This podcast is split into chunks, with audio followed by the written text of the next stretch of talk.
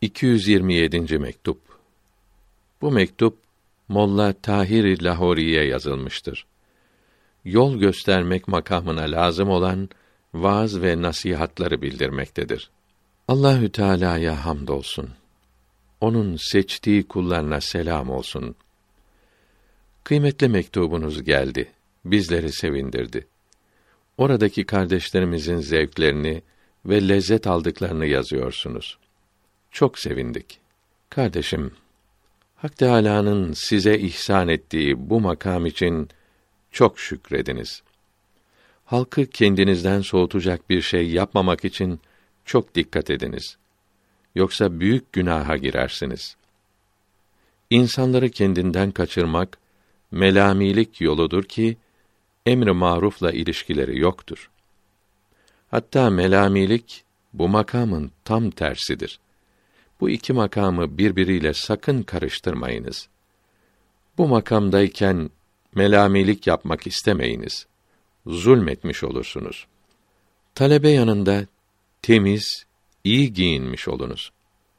Onlara çok sokulmayın, aralarına karışmayınız. Kendinizi küçültmüş olursunuz. Sizden istifade edemezler.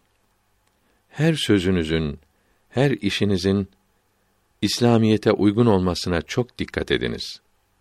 Elden geldiği kadar ruhsatlardan sakınınız. Ruhsatları yapmak hem bu yolumuza uygun değildir hem de sünnet-i seniyeye yapışalım demeye yakışmaz. Büyüklerden biri ariflerin gösteriş yapması avamın ihlasından daha iyidir buyurdu. Çünkü ariflerin iyi işlerini göstermeleri talebeyi Allahü Teala'ya çekmek ve onlara öğretmek içindir.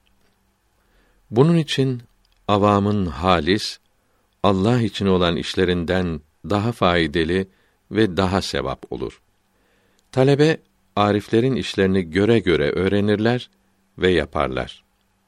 Arifler rahmetullahi aleyhim amellerini, ibadetlerini onlara göstermezlerse öğrenemezler. Demek ki arifler talebeye göstermek ve öğretmek niyetiyle yaptıkları için bu gösterişleri Allah rızası için olmaktadır. Yani ihlas olmaktadır. Hatta ihlastan daha iyi olmaktadır. Çünkü ihlasın faidesi kendinedir. Bu sözümüz yanlış anlaşılmasın. Ariflerin her işlerinin, her ibadetlerinin talebeye gösteriş olmak için yapıldığı, ibadet etmek kendilerine lazım değildir sanılmasın. Allahü Teala korusun. Böyle düşünmek zındıklık olur. İlhat yani doğru yoldan ayrılmak olur. Arifler de talebe gibi ibadet yapacaktır. Hiçbir kimse ibadet yapmaktan kurtulamaz. Böyle olmakla beraber ariflerin ibadetlerinden talebenin faydelenmesi de düşünülür. Bunun için siz de sözlerinize ve işlerinize çok dikkat ediniz. Çünkü bu zamanda çok kimse tasavvuf yoluna girmek istiyor. Bu makama yakışmayan bir şey yapmaktan çok sakınınız. Cahillerin büyüklere dil uzatmalarına sebep olmayınız. Her işinizin İslamiyete uygun olması için Allahü Teala'ya yalvarınız. Başka yolların büyüklerinin nispetleri hasıl olduğunu yazıyorsunuz.